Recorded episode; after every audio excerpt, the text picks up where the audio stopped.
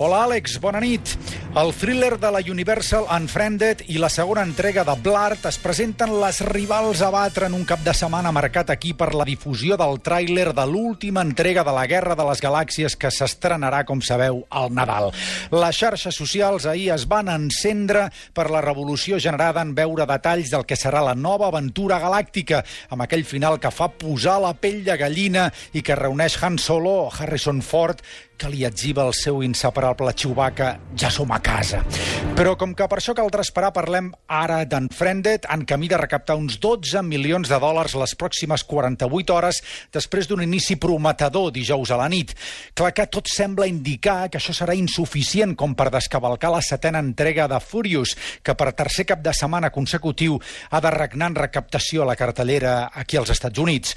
En paral·lel, s'espera que la segona entrega de Blar de la que et parlava s'enfili per sobre dels 16 milions de dòlars recaptats. Però tornant a aquesta guerra de les galàxies i aquest tràiler aporta, diria que, grans expectatives per uns fans que s'han identificat amb el que per ells ha de ser la continuació d'una història que ja té més de tres dècades. I és que el tràiler posa molt èmfasi en la nostàlgia, no només amb Luke Skywalker narrant la història de la seva família amb la força, amb aquella memorable imatge del casc de Darth Vader destrossat, també destaca la força visual del pla amb Han Solo, un altre eco de la trilogia original. I això, clar, sense oblidar l'altre pla del pilot de l'Imperi disparant sobre el falcó mil·lenari, o quan veiem el personatge interpretat ara per Oscar Isaac dins d'una nau X.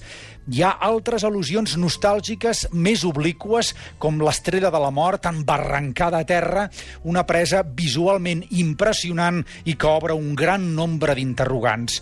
Fins i tot el nou dolent de la pel·lícula aboca al passat, porta màscara, una espasa làser vermella, com Vader, i això sense parlar dels conats arquitectònics reminiscents de la primera trilogia i referents a l'estrella de la mort i el falcó mil·lenari. Per tant, pels malalts de la trilogia inicial, tot plegat engresca moltíssim, en especial quan es combina amb la majestuosa banda sonora de John Williams.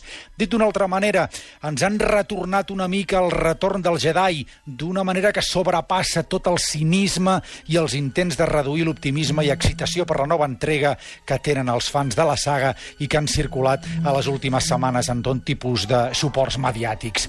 Encara, és clar falta per veure el producte final, per això caldrà esperar fins al Nadal, però si té res a veure amb l'impacte emocional que hem rebut amb aquest xiu i ja som a casa, la veritat, estarem en la bona direcció. Això és tot per aquesta setmana, Àlex. Bona nit.